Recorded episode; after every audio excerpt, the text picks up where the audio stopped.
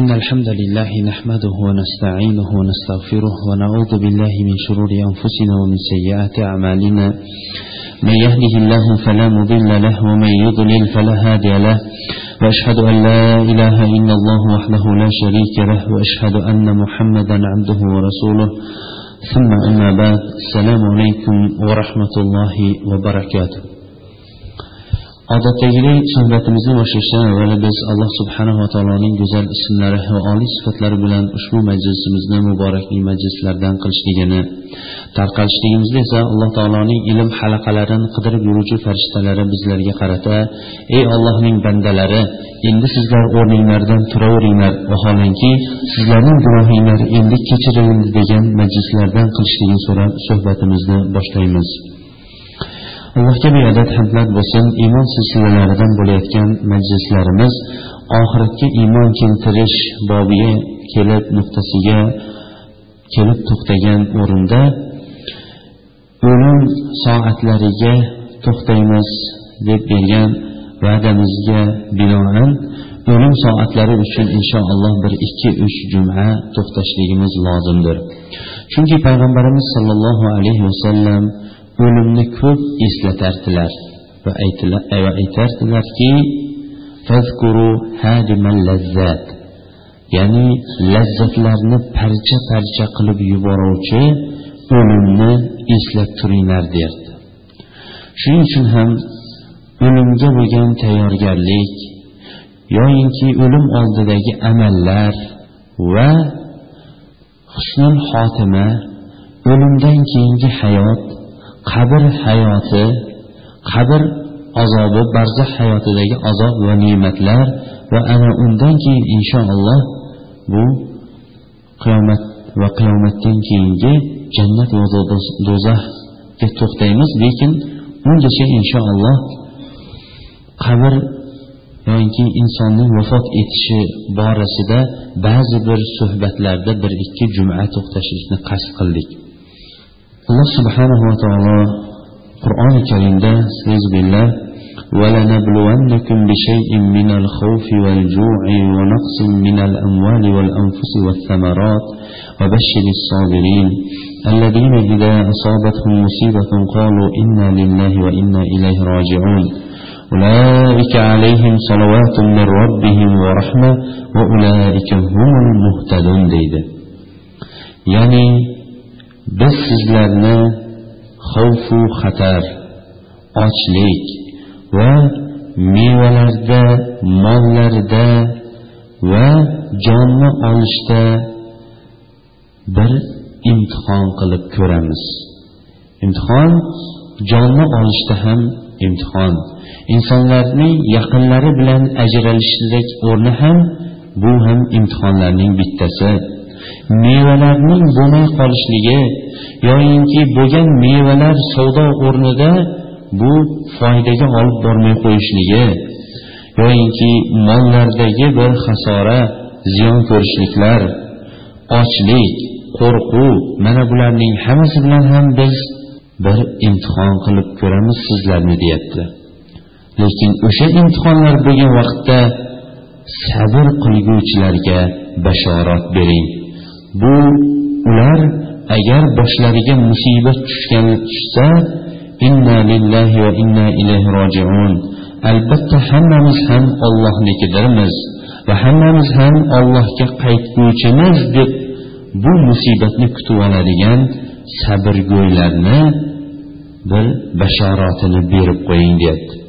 Ulaika ana endi mana shunday odamlarga ollohning salovati va rahmati bo'lishligini ham xabarini berib qo'ying.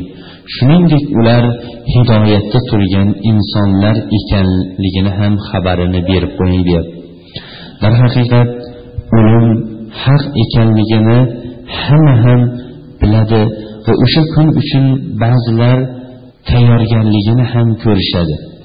Lekin insonlar o'lim soatlarida har xil soat va har xil kayfiyatda vafot etishadi. Qur'oni karim va payg'ambarimiz alayhissalomning hadislari bizlarga insonning o'lim soatlaridagi amallari bu kishining yo jannatiy yo alloh o'zi saqlasin do'zax ahlidan bo'lishlik alomatlarini ham berib ketishligini bizlarga ba'zi bir xabar va alomatlarini bergan. Shuning uchun ham bugungi mavzumiz insonning husnul xotima. Bu dunyodagi amallarini chiroyli tamomlashlik alomatlari haqida haqida bahs yuritamiz. Har bir amal ham amal qilinayotgan vaqtda va amali tugayotgan vaqtida yo chiroylilik bilan tugaydi yo olloh o'zi saqlasin odamlar rozi bo'lmagan o'zi ham rozi bo'lmagan holatda shu amalini tugatadi. Bir insonning amallari juda yaxshi bo'lib ishi yurishib ketayotganda ba'zilar tashqarida turgan katta o'zlarining aqllarini yoshlarini ham to'xtatib olgan oqsoqollar ha oxiri baxayr bo'lsin deb qo'yishligi ham bu oxiri ham mana shunday yaxshilik bilan tugasin deb so'rashlikdir. Va hamma amal ham boshlanadi va tugaydi. O'sha amallarning bittasi insonning hayoti. Va bu eng muhimidir. Inson hayotini yaxshilik bilan boshlar ekan yoki yaxshi amalda davom ettirib turar ekan uni oxirini ham xayrli yaxshilik bilan tugashligini alloh taolodan tavfiq bilan so'rashlik kerak. Chunki payg'ambarimiz sollallohu alayhi vasallam al umuru bi degan. Ya'ni ishlar oxirida qanday tugallanadigan bo'lsa o'sha oxiriga qarab hukm beriladi degan. Ba'zi bir insonlar yoshlik davrlarida nihoyatda yaxshi xushmuomala ibodatgo'y bo'ladida lekin alloh o'zi saqlasin yoshlari ulg'ayib qolgandan keyin ularning xulqlari buzilgan ba'zilarni ranjitadigan hatto bolalari ham undan bezor bo'lib ketadigan. U atrofidagi insonlar bo'lsa e bu kishi yomon qaribdida degan gaplarni aytib qoladigan odamlardan bo'lib qoladi. Alloh hammamizni ham bunday bo'lib qolishdan o'zi asrasin. Bu insonning o'zining umrini yomonlik bilan tugatishlik arafasida turgan alomatlarning bittasidir. Ammo ba'zi bir insonlar umrlari bo'yi o'ziga ham ahliga ham bola chaqasiga ham qarindosh urug' qo'ni qo'shnilarga ham ozor berib keladiyu lekin alloh taolo bir buning qalbini ochib yuborishligi bilan keyin umrining oxirida yaxshi amallar qilishligi bilan hamma buni yaxshi ko'rgan qo'shnilari ham rozi bo'lgan qarindosh urug'lari ham rozi bo'lgan hammaning davrasida bo'lgan odamlar qatorida bo'lib turib yaxshi amallar qilib turib o'zining umrini oxiriga yetkazib oladi. Mana bu kishidan dunyodagi umrini yaxshilik bilan tamomlaganligi uchun uning oxiratda ham yaxshi o'ringa qabri jannat bog'chalaridan bir bog'cha qiyomatdan keyingi o'rni esa jannatning o'zi bo'lishligi umid qilinadigan odamlarning bittasiga aylanib qoladi. Buni esa hammamiz ham alloh taolodan umrimizning oxirini chiroyli amallar bilan tugatishligimizni so'rashlik darkor ekanligini bu amallar bizlarga o'rgatadi. Shuning uchun ham bugun insonning chiroyli umrini tugatishlik alomatlari haqida to'xtab o'tamiz. Alloh subhanava taolo o'zining marhamati va keng rahmati bilan inson umrining oxiridagi ba'zi bir qilib qo'ygan ozgina amallari bilan uzun umrining hammasida qilgan gunohlarini kechirib yuborishi mumkin. Mana shu oxirida qilingan amallarning va husnul xotima bilan yakunlangan alomatlarining eng birinchisi o'lim oldida inson la ilaha illalloh muhammadur rasulullohni aytib vafot etishligidir. Xolis va yolg'iz ollohning yuzini iroda qilgan holatda. Chunki payg'ambarimiz sollallohu alayhi vasallam hokim va boshqalar hasan sanadi bilan muaz roziyallohu anhudan rivoyat qilgan hadisda man kana axiru kalamihi la ilaha illalloh dahalal janna dedilar. Ya'ni kimning oxirgi kalimasi la ilaha illalloh bo'ladigan bo'lsa jannatga kiradi dedilar. Bu hammaga ham iloyo nasib etsin lekin hammaga ham nasib etavermaydigan amal. Nima uchun? Chunki til nimaga dunyoda inson sog' salomat turgan vaqtida inson tilini nimaga o'rgatgan bo'lsa bu til insonning boshiga musibat yetgan vaqtda ham qarilik vaqti olgan vaqtda ham til o'shanga o'rganib suyak ham o'shan bilan qatgan til ham o'shanga to'g'irlangan bo'lib qoladi. Ba'zi bir sahobalar ustidan kulib masxara qilib xosatan abu hurayra roziyallohu anhuning ustidan ko'p ig'vo tarqatib yurgan bir kishining vafot etayotgan vaqtida la ilaha illalloh deng desa oh abu hurayra yo'q la ilaha illalloh deng desa oh abu hurayra deb vafot etganligini uning tarixida aytib kelishsa boshqalari otasi qachon namoz o'qing desa namozdan ko'ldaring bo'lib allohning toatiga buriling ramazon oyi kelib qoldi ro'za tuting desa ro'za tutishlikdan ham bosh tortib yurgan otasi vafot etayotgan vaqtda mehribon bag'ridiyda bo'lgan farzandlari la ilaha illallohni ayting desa hech aytolmayotgan vaqtida oxiri umid bilan la ilaha illallohni ayting deb qayta qayta takrorlaganidan keyin bu kishi qur'onni olib kelinglar debdi. Qur'onni olib kelinglar degandan keyin farzandlar xursand bo'lib biron bir narsani o'qirmikan yoyinki bag'riga bosarmikan yoinki biron bir yaxshi gapni aytarmikan degan niyat bilan qur'onni olib kelsa qur'onni qo'liga ushlab turib farzandlariga ko'rsatib mana buni ko'ryapsizlarmi? Ko'rayotgan bo'lsanglar bilinglarki men bunga kofir bo'lib o'lyapman degan ekan. Mana bu olloh o'zi saqlasin uning tili ham dili ham hamma suyaklari bunga hayotda kofir bo'lishlikka olib boradigan amallar bilan qotganligi uchun oxiri ham mana shu bilan yakunlanyapti. Payg'ambarimiz sollallohu alayhi vasallam keyingi yo'l bilan buni ibn hibban hasan sanadi bilan rivoyat qilgan ekan. ما من نفس تموت وهي تشهد أن لا إله إلا الله وأني رسول الله. يرجع ذلك إلى قلب موقن إلا غفر الله له. أخرجه ابن ابن ماجه وأحمد وغيره وصححه ابن حبان. payg'ambarimiz alayhissalom bu hadisda aytdilarki qaysi bir inson la ilaha illalloh ollohdan boshqa ibodat qilishlikka haqli iloh yo'qdir deb va men meni ollohning elchisi ekanligimga qalbi bilan taskin topib turib guvohlik beradigan bo'lsa olloh uning gunohlarini kechirib yuboradi dedi. Demak husnul xotima inson hayotini chiroyli xotima bilan yakunlash yakunlashligini eng birinchisi la ilaha illalloh kalimasi oxirgi kalimasi bo'lishligidir. Bu bobda hadislar nihoyatda ko'p lekin biz vaqtimiz qisqa bo'lganligi uchun ba'zi ba'zi hadislargagina to'xtaymiz xolos.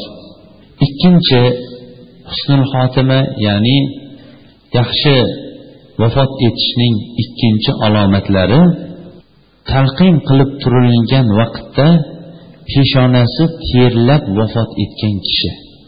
Mana bu ham husnul xotimaning bittalari bittasi hisoblanadi. Burayda bin husayb roziyallohu anhu imom ahmad o'zining musnadida rivoyat qilgan hadisda bu kishi xuroson diyorlarida ekan. Xurosonda yurgan vaqtida o'zining bir birodarini ziyorat qilishga kelgandi. Ziyorat qilishga kelgan vaqtida o'lim soatida bu birodarini topdi va uning peshonasi terlab turgan holatini ko'rdi va aytdiki allohu akbar سمعت رسول الله صلى الله عليه وسلم يقول موت المؤمن بعرق الجبين deganlar ya'ni allohu akbar xursand bo'lib ketganidan allohu akbar deyorgan ekan men payg'ambarimiz sollallohu alayhi vasallamning mo'minlarcha insonning o'lishligi vafot etishligi peshonasi terlab o'lishligi deganligini eshitgandim degan ekan. Shuning uchun ham ikkinchi husn xotimaning alomatlarining bittasi peshonaning terlab o'lishligidir. Uchinchi husn xotimaning alomatlarining uchinchisi juma kechasida yoyinki juma kunida kunduz kunida vafot etishlikdir. payg'ambarimiz sollallohu alayhi vasallam ma min muslimin yamutu yawma al-jum'ati aw laylata al-jum'ati illa waqahu Allohu fitnatal qabr degan ekan imom ahmad o'zining musnadida rivoyat qilgan jobir ibn abdulloh roziyallohu anhudan va anas roziyallohu anhudan ham bunga shohidlari bo'lgan hadisda. Hadisni bo'lsa hasan yoinki sahih degan ekan ba'zi bir ulamolar. Ma'nosi shuki qaysi bir musulmon juma kunida yo juma kechasida vafot etadigan bo'lsa alloh taolo uni qabr fitnasidan saqlaydi degan ekanlar. Shuning uchun ham juma kechasida yoyinki jumaning kunduzida vafot etgan kishi inshaalloh husnul xotimalarning bittasi hisoblanadi. To'rtinchi husnul xotimaning alomatlarining to'rtinchisi bu shahidlik shahidlik qur'on va hadisda bayon etilgan bu olloh yo'lidagi g'azotlarda vafot etgan sahoba tobiinlarning alomatlari ko'p bizlarga bayon etib berilingan. Beshinchi beshinchi husnul xotimaning alomatlarining beshinchisi toun turli yuqumli kasalliklar bilan yuqumli kasalliklar sababli mo'min kishining mo'minlik holatida vafot etishligi bu haqida nihoyatda ko'p hadislar bor hafsa binti sirin qolat qola li anas ibn malik بما مات يحيى بن أبي أمرة قلت بالطاعون فقال قال رسول الله صلى الله عليه وسلم الطاعون شهادة لكل مسلم أخرجه البخاري حفصة بن سيرين تديكي من جاء أنس بن مالك رضي الله عنه يحيى بن أمرة أبي أمرة nima sababli vafot etdi dedi men tog'un sabablik ya'ni o'sha yuqumli kasallik sababli vafot etdi degandim u kishi aytdiki payg'ambarimiz sollallohu alayhi vasallam musulmon hamma musulmonning shahidlik darajasining bittasi o'sha yuqumlik vabo kasali bilan vafot etishligidir dedi. Hozir inshaalloh bu yog'iga keladigan husnul xotimaning alomatlarining ba'zilari va ko'pchiligi balki insonning kasalligi sababli vafot etishiga to'xtab o'tadi. Lekin shu o'rinda biz tanbeh berib aytishligimiz kerakki o'sha insonga o'sha maraz kasallik kelgan vaqtda xastalik kelgan vaqtida ham iymonini va amalini saqlab turgan odamlarga shu va'dalar berilingan ammo men kasal bo'lib qoldim endi namoz o'qish ham bo'lmadi ro'zani ham tutolmadik kafforatini olloh kechirsin deb bu amallardan sustlashib ketgan odamlarga emas. Shuni biz yaxshilab bilib olmoqligimiz kerakdir. Yettinchi husnul xotima chiroyli insonning hayotini tamomlashlikning yettinchi alomati bu qorin kasalliklari bilan mubtalo bo'lib turib o'sha sabablik vafot etishligidir. Ya'ni qorindagi ba'zi bir og'riqlar va ba'zi bir kasal illatliklar sababli payg'ambarimiz sollallohu alayhi vasallam abdulloh ibn yasardan rivoyat qilgan hadisda payg'ambarimiz sollallohu alayhi vasallam shahidun. Kim qorin og'riq kasali bilan vafot etadigan bo'lsa bu ham shahid degan ekanlar imom muslim va boshqalarning rivoyatida. Sakkizinchi va to'qqizinchi chiroyli insonning hayotining xotimalanishlik alomatlarining bittasi suvga cho'kib yoyinki biron bir narsa bosib qolib vafot etishligidir. Payg'ambarimiz sollallohu alayhi vasallam imom buxoriy va muslim termiziy va ahmad rahimahumulloh abu hurayra roziyallohu anhudan rivoyat qilgan hadisda ashuhadau xamsu ya'ni shahidlar beshta degan ekan. Al matunu val mabtunu val g'araqu va sohibul hadmi va shahidu fi sabilillah. Shahidlar beshtadir. Ularning birinchisi turli vabo kasalliklari sababli o'sha kasal vabo yetib turib vafot etgani ikkinchisi qornida biron bir illat kasal paydo bo'lib qornida o'sha illat kasal sababli vafot etgani uchinchisi bo'lsa suvda g'arq bo'lib vafot etgani to'rtinchisi bo'lsa biron bir bino yoki nima bo'lmasin bosib qolib vafot etgani beshinchisi bo'lsa olloh yo'lida shahid bo'lgani degan ekanlar. Shuning uchun ham mo'min kishi mo'min kishining haqiqatdan ham bunday o'ylab ko'rganda hamma o'ri o'rni bu kishi uchun manfaatdir. Suvda cho'kib o'lsa ham o'tda yonib kuysa ham inshaalloh bu bob keladi. Yoinki biron bir narsa bosib qolib vafot etsa ham bu oliy darajaga yetaveradi. Lekin bu yerda islom targ'ib qilgan amal bu inson mo'min bo'lib olishligi mo'min bo'lib olishligi tili bilan emas qalbi tili va amallari bilan. Ammo tili bilan bo'lib olishlikni o'zi kifoya qilmaydi. O'ninchi mana bu o'ninchi chiroyli xotima bilan umrning yakunlanishi alomatlarining o'ninchisi bu ayollarda ham. Tepada zikr qilingan narsalarda bu erkaklar bilan ayollar ikkovi mushtarak ikkovi ham bunda sherik. Ammo o'ninchisi bo'lsa ayollarga xos bu ayollarning islomdagi fazilati erkaklarga nisbatan ortiqroq ekanligini ham bizlarga bayon qilib keladi. O'ninchi ayollardagi chiroyli xotima ayollarniki yakunlanishligi homilador ayol o'sha hamli o'sha bola sababli yo bolani tug'ayotgan vaqtida yo tug'ishidan avval qo'yingki o'sha bola sababli vafot etishligi ham bu ayolning yaxshilik bilan vafot etishligi alomatlarining bittasi. Imom ahmad rasululloh sollallohu alayhi vasallamdan abdulloh ibn ravoha rivoyat qilgan hadisda bu hadis uzun shu hadisda val mar'atu yaqtuluha valaduha jam'aa shahadatun dedilar.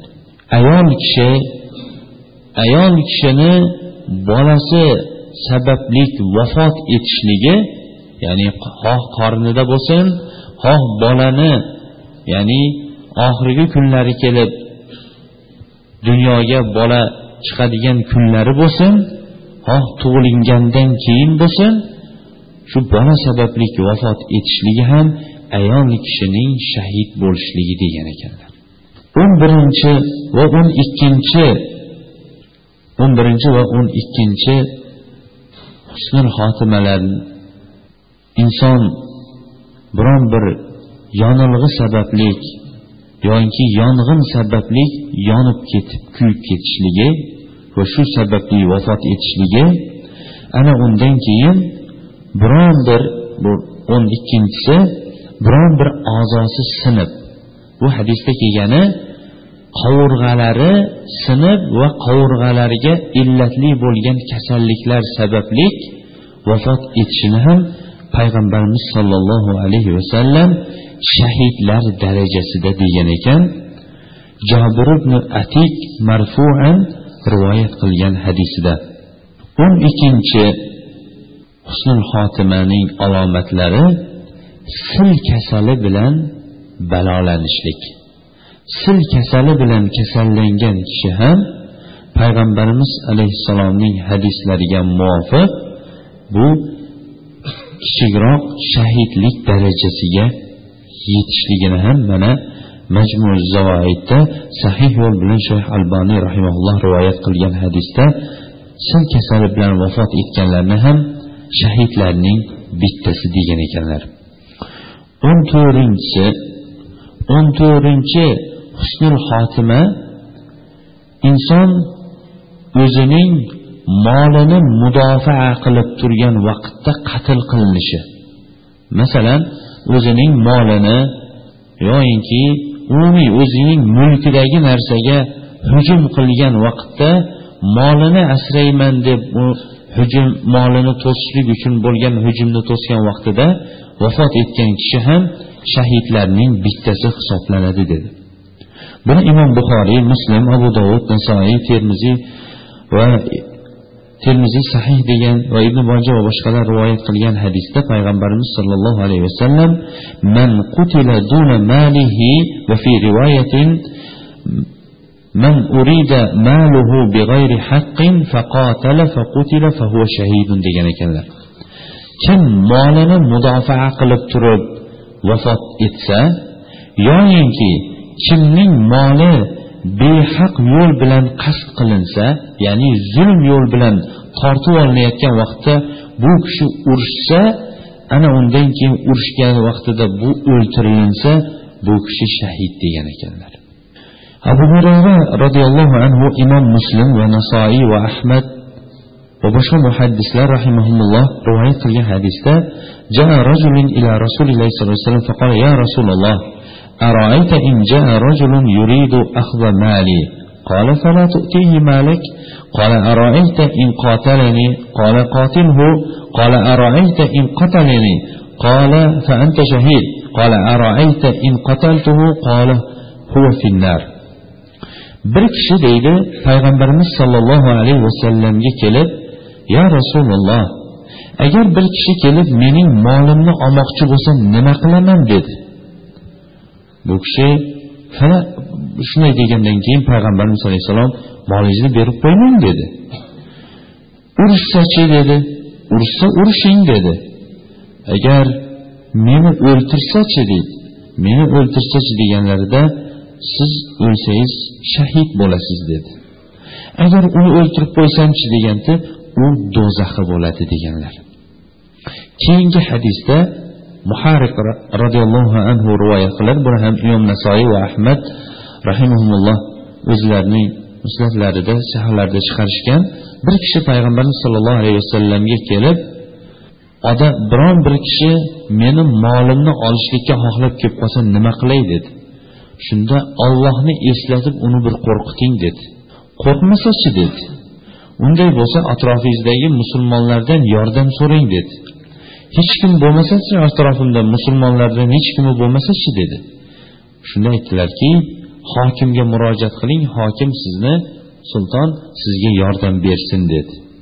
Hokimdan avval menga hujum qilib qo'ysachi deganda hujum qilsa molingizni himoya qiling dedi. Chunki molingiz sababli vafot etishligingiz sizni shahodat yo'liga olib chiqadi dedilar.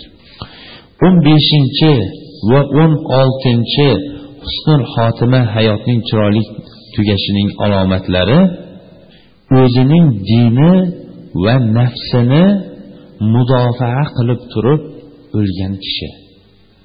O'zining dinini.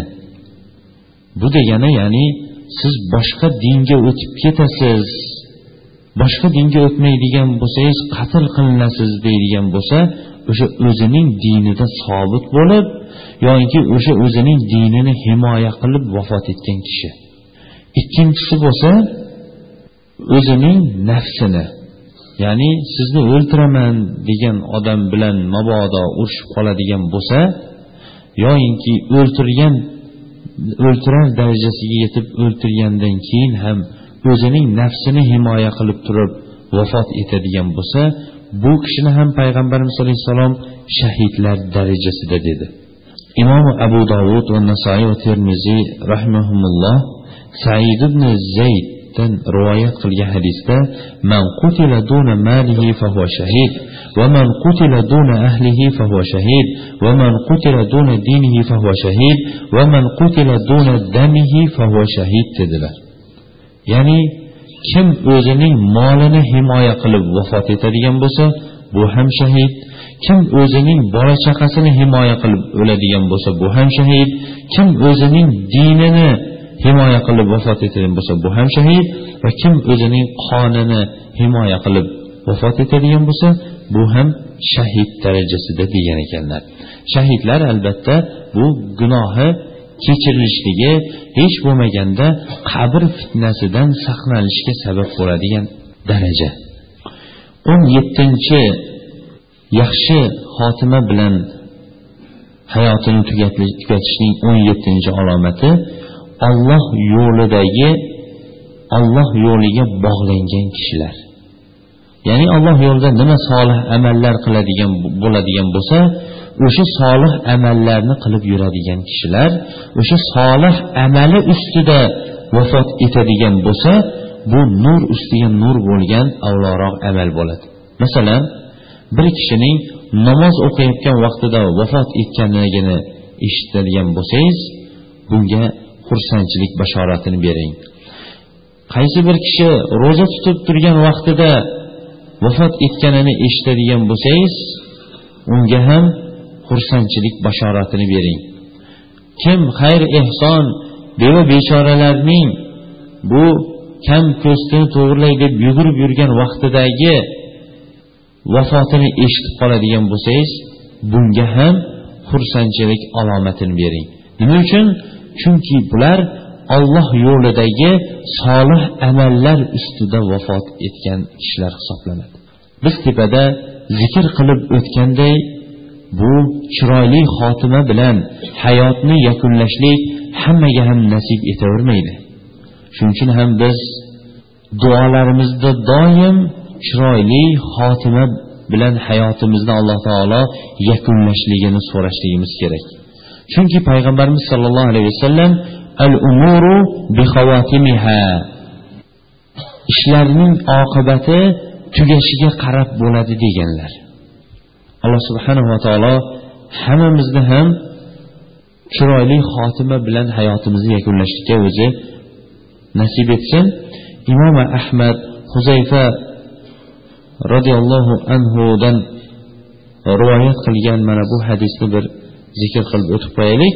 Payg'ambarimiz alayhissalom alayhi vasallam man qola la ilaha illalloh ibtig'a vajhillah xutima lahu biha dakhalal janna.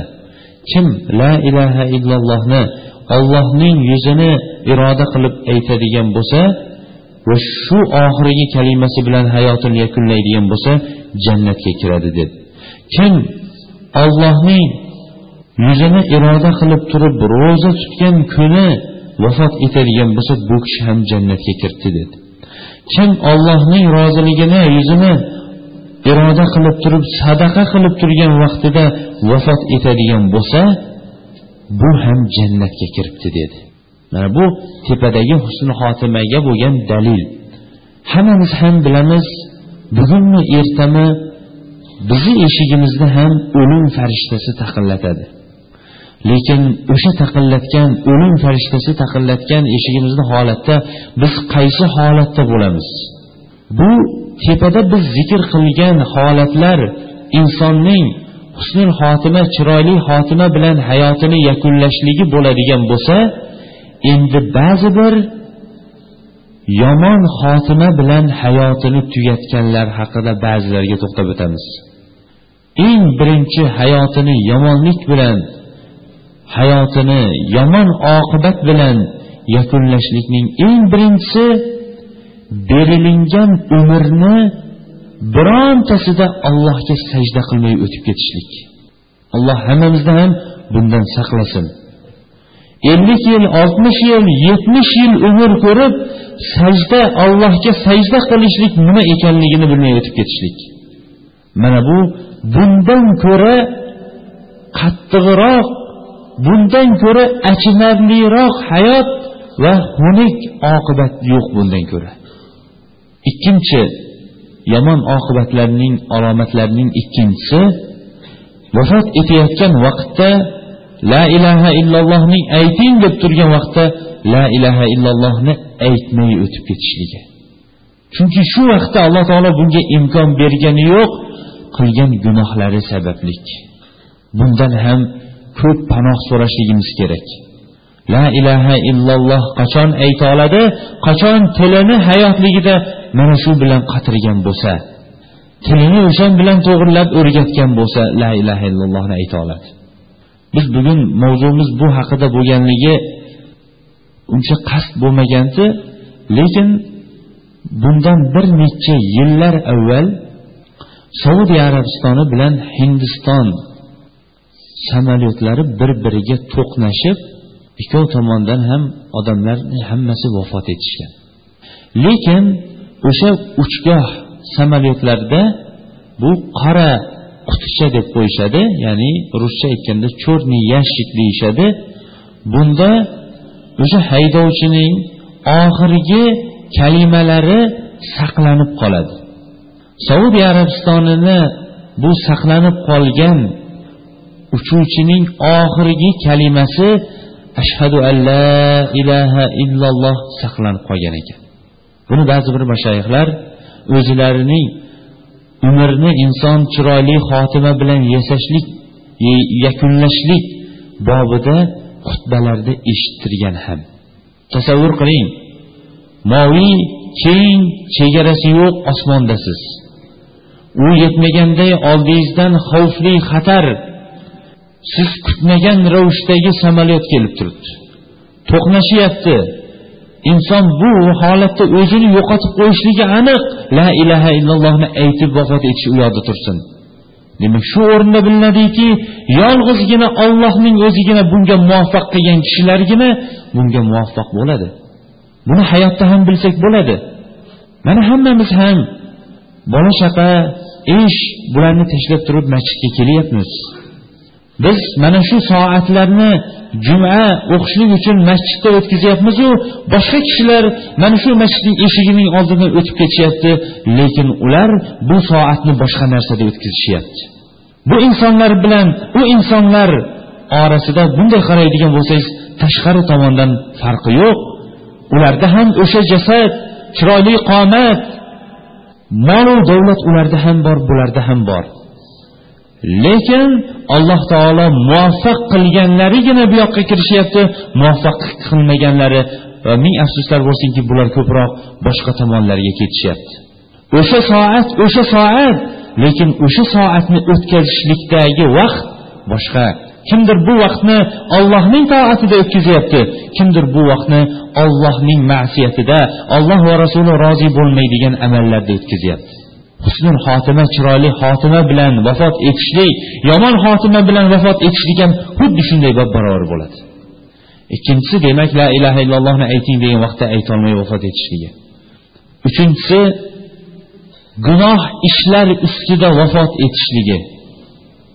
Kimlardir mast qiluvchi ichimliklarni ichib olib o'sha sababli qayerlardadir qulab qolib qayerlardadir bir sovuqlarda qotib qolib vafot etib ketishligi alloh o'zi saqlasin. Yoinki suvlarga bo'kib qolishligi mana shu sababli. Mast qiluvchi ichimlikni ichib olib o'zini bilmasdan suvda o'lib qolgan kishi tepadagi iymon bilan suvda g'arq bo'lgan kishi bilan bab barobar bo'la olmaydi hech qachon. Yoyinki zino va fohishabozlik bo'lgan tushaklari ustida o'sha tushaklarda vafot etishligi. Alloh o'zi saqlasin. Yoyinki mast qiluvchi kashandaliklarni bu ukollarini urib olgan vaqtda qotib qolib o'lib qolishliklari alloh hammamizni ham bundan saqlasin. Mana bularning hammasi ham xunuk xotimalar bilan yakunlanishlikdir. Xunuk xotima bilan yakunlanishligi insonlarning o'zi ham jirkib ketadi. Payg'ambarimiz sollallohu alayhi vasallam yahudlar yetmish bir nasorolar yetmish ikki firqaga bo'linishdi.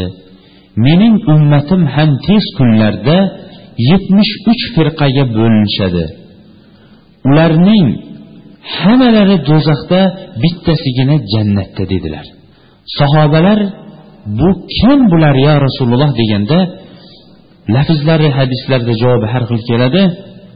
Bular qur'on bilan hadisni mahkam ushlaganlar. Boshqa hadisda bo'lsa bular mening va sahobalarimning yo'lini mahkam tutganlar. Va hokazo mana shunday qilib alomatlarini bergan. O'sha yetmish uch firqa bugungi kunda bor. O'sha firqalarning bittasi qodiyoniya firqasi. Ming afsuslar bo'lsinki bugungi kunda bizni viloyatda bunga targ'ib nihoyatda kuchli bo'lyapti. Bo'lib ham kecha yaqinda ular o'zlarining o'zbek tiliga bosib chiqargan qur'on o'zbekchasini bepul tarqatib yurganligi haqida ham ba'zi bir xabarlarni ba'zi bir imomlar olishgan ekan shuni e'lon qilib qo'yishlikni talab qildi.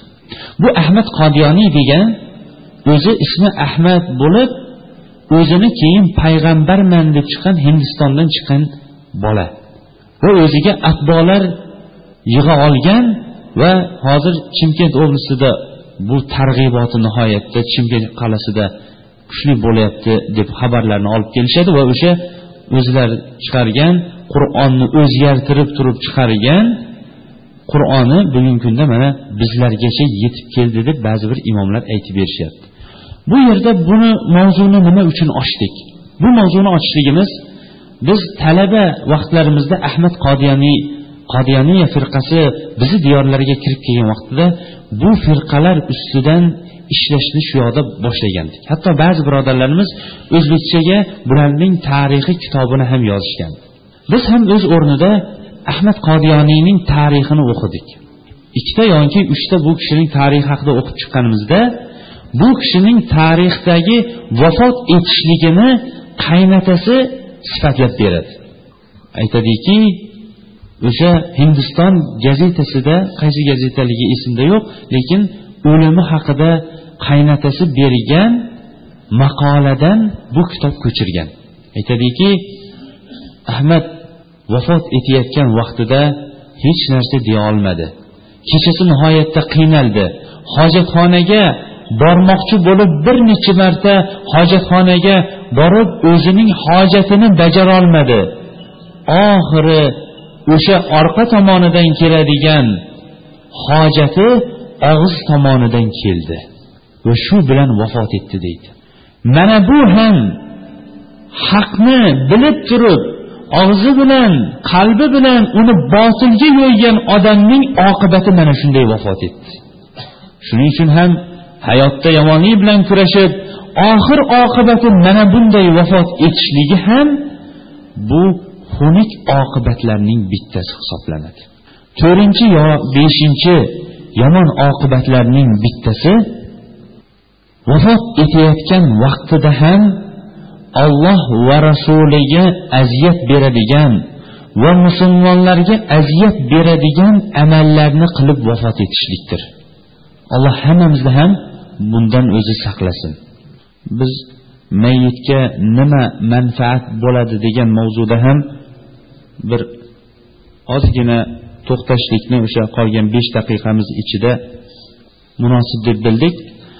Shayx albaniy rahimaulloh o'zini ahkamul janoiz kitobida beshta nuqtani beshta nuqtani bayon etgan. O'sha nuqtalarga shayx albatta bu yerda shayx albaniy rahimaulloh dalillarini ketma ket keltirgan lekin vaqtimiz qisqa bo'lganligi uchun endi insonlarning mayitga nisbatan bo'ladigan qiladigan manfaatining beshtasiga to'xtab o'tamiz. O'shalarning birinchisi mayitning orqasidan duo qilishlik. Chunki mayitning orqasidan qilingan duo u kishini qabr fitnasidan azobidan va oxiratdagi azobidan yengillatilishiga sabab bo'ladi. Ikkinchisi agar olloh bilan bo'lgan o'rindagi amallaridagi qarzlari bo'lsa buni ado etishlik. Bu qanday qarz? Masalan ro'za tutolmay qolgan bo'lsa o'sha ro'zasini qarzini yaqinlari valiylari tutib berishligi shariatimizda ko'rsatilgan. Masalan bir kishi ramazon oyida kasal bo'lib qoldida kasali sababli ro'zasini tutolmadi va uning fidyasini ham to'lolmadi. Shuning uchun ham bu kishi vafot etgandan keyin u kishini bola chaqasimi yaqinlarimi o'sha nechi kun tutolmagan bo'lsa o'sha kunini xoh bittasi xoh bo'lishib uni tutib berishligi bu shariatimizda ko'rsatilgan amal. Ammo ammo o'qimagan namozini bo'lib olishlik uning o'rniga domlaga berib biron narsa qildirishlik bu shariatimizda yo'q. Faqatgina ro'zasi ko'rsatilgan xolos. Uchinchi mayitga boradigan manfaatlar agar qarzdor bo'ladigan bo'lsa mayit qarzini ado etishlik. Chunki payg'ambarimiz sollallohu alayhi vasallam mayit kishi ya'ni vafot etgan kishi qabrda yaxshiliklardan saqlanib turadi yaxshiliklardan yaxshiliklar bunga bormay turadi to qarzidan qutulmagunicha degan. Shuning uchun ham mayitning qarzlarini ado qilishlik tiriklar tomonidan unga bo'ladigan manfaat. To'rtinchi yo beshinchi mayitning orqasidan boradigan manfaatlar bu agar yurib turadigan sadaqa tashlab ketgan bo'lsa mana shu sadaqasining manfaati. Yurib turgan sadaqa degani musulmonlar doim undan foydalanib turadigan. Kimdir tirikligida yo'l qurib ketdi kimdir tirikligida quduq qazdirib ketdi kimdir tirikligida bu yetim yesirlar uchun uy qurib ketdi kimdir tirikligida bir Э, talabalar uchun deb bu madrasa yoki masjid qurib ketdi. To mana shular yo'q bo'lib ketgunicha unga o'sha savobi borib turadi. Beshinchidan o'sha vafot etgan kishining shar'iy ilmi bo'ladigan bo'lsa va o'sha shar'iy ilmi shogirdlari tarqatib atrofda odamlar manfaatlanib turadigan bo'lsa yoyinki shar'iy kitoblarni yozib ketgan bo'lsa odamlar undan manfaatlanib turadigan bo'lsa mana buning ham savobi u kishiga borib turadi. Ammo sadaqa ham borib turadi sadaqaning joriy yurib turadiganini ixtiyor qilganimiz yaxshi to'xtab qoladiganini ixtiyor qilganimizdan. Yurib turgan sadaqani biz bayon etdik yo'llar ko'priklar. Ammo tez to'xtab qoladigani bu bugungi kunda biz qilayotganimiz tez oshni berib yuborib tez tugunga tugib yuborib mana bular yaxshi bular sadaqa lekin o'sha oshni yeb hazm bo'lib bo'lguncha uni savob borib turadi. Yo'lniki savobi uzoqroq bo'lib turadimi yoki yeyilingan oshnikimi? Albatta yo'lniki va shunga o'xshashlarniki alloh subhanava taolo hammamizni ham o'liklarning qadrini ularning o'liklarining ya'ni bizni oilamizdan vafot etib ketganlarning qarzlari bo'lsa qarzlarni ado etishlikka haq huquqlari bo'lsa haq huquqlarni ado etishga hammamizga ham nasib etsin va hammamizni ham o'sha kunlarda husnul xotima bilan chiroyli xotima bilan hayotimizni yakunlashga o'zi nasib etsin. Savollar tushgan ekan. Assalomu alaykum va alaykum assalom va rahmatulloh. Pirlar kimlar? Masalan mashinaning pirlari va shunga o'xshashlar debdi. Pir kalimasi vallohu alam bu yerda mana munavvaraga o'tiribdi. Bu yoqqa o'tsa yana yaxshi bo'lardi. Forscha chiqqan forscha kalima bo'lib ustoz deganini bildiradi. Pir degani bu o'zi hayotida insonga agar ilm bo'lsa ilm hunar bo'lsa hunar berib turib manfaat beradi. Ammo vafot etib ketgandan keyin hech qanaqa pir bo'lsin hatto avliyo bo'lsin hatto payg'ambar bo'lsa ham vafot etib ketgandan keyin foyda berolmaydi. Bunga eng katta dalilimiz payg'ambarimiz sollallohu alayhi vasallam ya bin ya fatimatu bint muhammad salid dunya ma shi'ti valakinni ma ug'ni anka anki fil akhirati shay'a dedilar. Ya'ni ey muhammad alayhissalomning qizi fotima dunyoda siz xohlagan narsangizni dunyoda so'rang agar bo'lsa beraylik. Lekin oxiratda men sizga hech narsada manfaat berolmayman dedi. Shuning uchun ham bu mashina ustasi mashina ustasi o'sha ishini boshlashdan avval bu mashina ustasining piri uchun dehqonlar dehqon bobo piri uchun deb is chiqarib atashlik bu shariatimizda qaytarilgan emas. Uning o'rniga sadaqa qilib yuboradigan bo'lsa yetim yesirlarga bu ishining rivojiga sabab bo'lishi mumkin. Ammo pirlar deb turib chiroqchilarni to'ydirib yurishligi bu ishni olib borishiga sabab bo'lmaydi. Assalomu alaykum va rahmatullohi va barakatuh. Va alaykum assalom va rahmatulloh savol inson qaytish bo'lgandan keyin qirq yildan keyin ruhi kelmaydi dedi. Shunga javob bersangiz. Inson qaytish bo'lgandan keyin qirq qirq yil debdi. Bu inson inshaalloh keyingi jumamiz.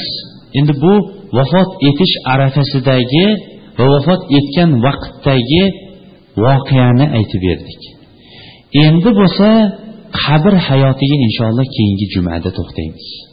Va bu ruh bu keyingi jumada to'xtatdik lekin savol bo'lib qolgani uchun payg'ambarimiz alayhissalom qabrda turgan mayyit tepasida o'zini ko'mib ketayotganlarning oyoq tovushlarini ham eshitadi degan. Shu javob bo'lsa kerak inshaalloh. Ehson bergandan keyin savobi bor lekin ehson bermasa ham ziyoni yo'q deyapti. Ba'zilari shunga tushuncha bersangiz. Ehson berishlikning albatta savobi bor. Qur'oni karimda xosatan baqara surasida ehson qilishlikka sadaqa qilishlikka ko'p buyurilgan. Lekin ehson berishlikka qodir bo'lgan odamlarni buyurgan. Hammanimiz. Holiga qarab turib ehson berishlikka buyurgan. Keyin buning kunini belgilab qo'ymagan. Tushunarlia kunini belgilamagan lekin shaxsini belgilagan. Shaxsi qodir bo'lgan inson keyin bo'lsa va muhimi o'sha ehson va sadaqa yeydigan odamlarga beringlar degan. Qorni to'q usti butlarga emas. Ho'p bu oqsukent hokimiyatidan oqsukent hokimiyatidan kecha ham bugun ham kelgan bu e, insonlarni bahor fasli kelib qolganligi uchun hokimiyat tomonidan kelayotgan targ'ib ya'ni yaxshilik ishlarida bir birimizga yordam berishlikka undashyapti.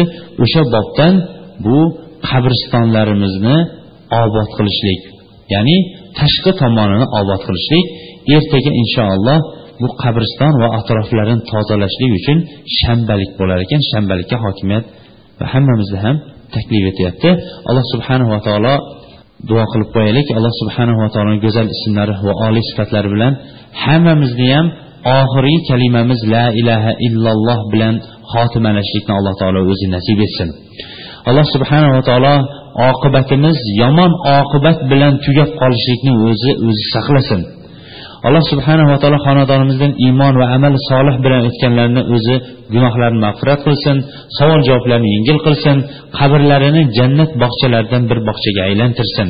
Farzandlarimizni o'zimiz o'ylagandan ham ortiqroq solih va soliha farzandlardan qilib o'zi tarbiyalasin. Ko'zlarimiz ollohning toatida ularni ko'rgan vaqtda ko'zlarimiz quvonadigan farzandlardan qilsin.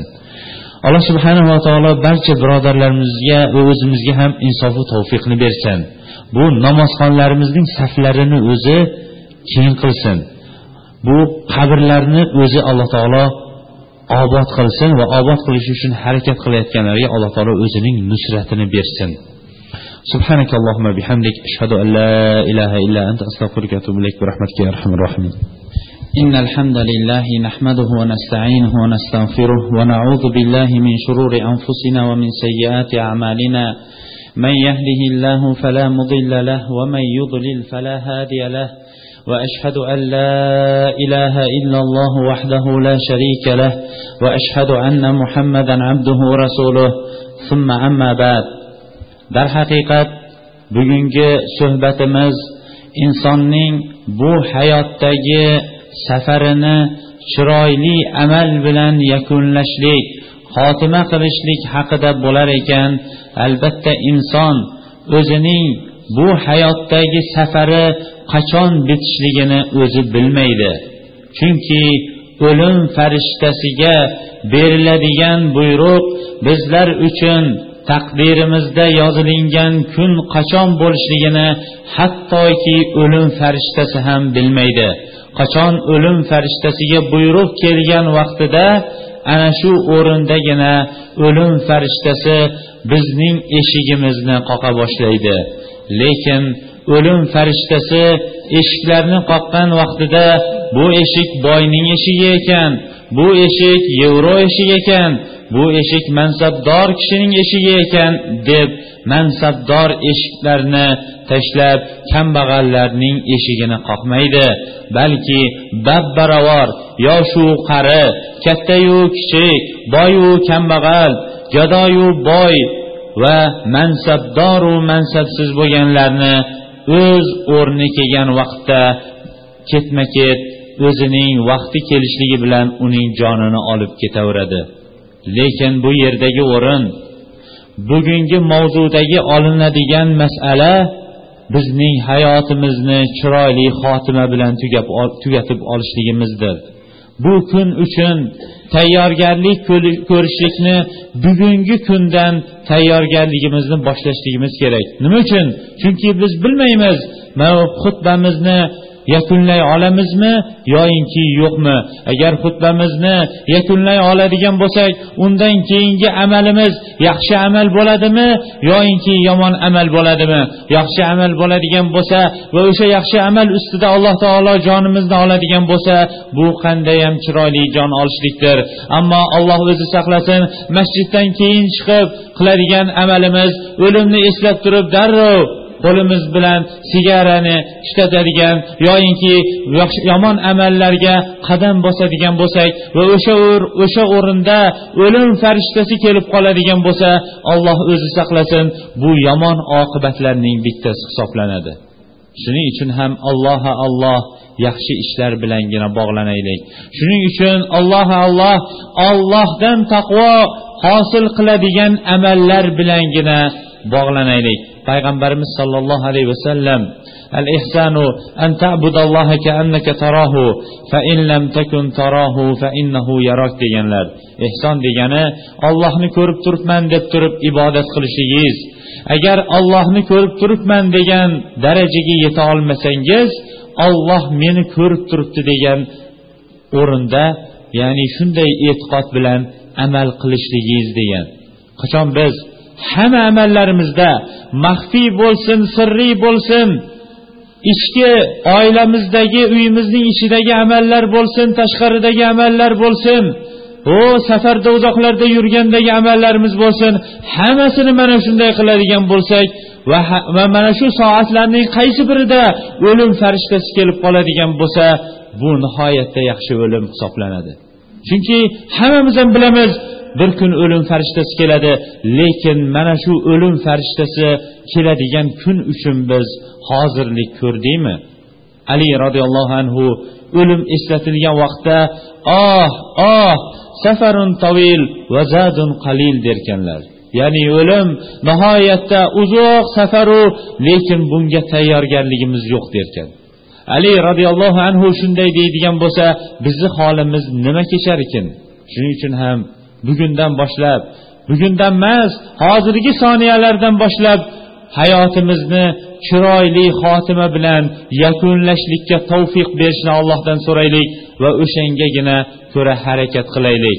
Ey allohning bandalari darhaqiqat hammamiz ham bab barobar alloh taologa xoh bilibmi bilmasmi ko'p gunohlarni qildik. Mana bu soatda juma kunida va mana bu o'rinda allohning uylarida bo'lmish masjidda alloh taologa ko'p tavbayu istig'forlar aytaylik ajab emaski alloh taolo o'tgan gunohlarimizni mag'firat etib kelajakda faqatgina yaxshi amallar qilishlikka va o'sha yaxshi amallar ustida jonimizni olishlikka o'zi tavfiq bersa va alloh taolo ko'p istig'for aytinglar astag'firulloh astag'firulloh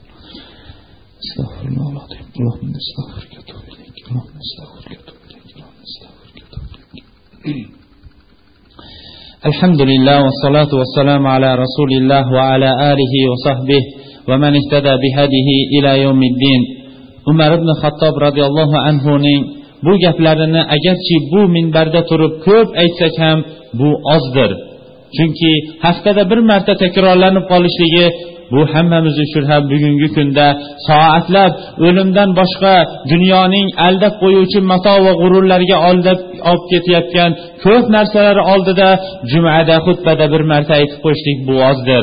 Umar ibn hattob aytgan ekanlarki hasibu anfusakum qabla an tuhasab vazinu a'malakum qabla an tuzan fa innal yawma amalun bila jaza wal ghad jazaun bila amal. Ya'ni sizlar degan ekanlar o'zinglarni o'zinglar bugun bir hisob kitob qilib ko'ringlar. Hisob kitob qilinishdan avval va o'zinglarning amalinglarni tortib ko'ringlar amallar tortilishligidan avval. Chunki bugun amal bor lekin uning mukofoti yo'q ko'rinmay turibdi. Ertaga esa mukofot bor qivolay desangiz amal yo'q degan ekanlar. Darhaqiqat biz ham amal qilayotgan vaqtimizda kelib qo'yayotgan jumamizu o'qib qo'yayotgan besh vaqt namozimizni hisoblamaylik. O'tgan sahoba va tobiinlardan kelgan qoida shu bo'lgandiki o'zingizni o'zingiz hisob kitob qilayotgan vaqtda yaxshi amallaringizni esingizga keltirmang.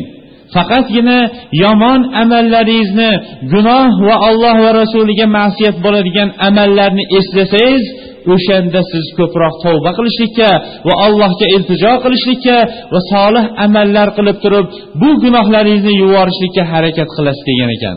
Ammo qachon? Ha besh vaqt namoz ha mana bu ro'za ha mana bu ish deb bularni eslayveradigan bo'lsak shayton bizlarga mana bu amallarga suyanib qolib solih amallarni qilishlikka dangasalik qilib qo'yishligimizga targ'ib qilib qoladi.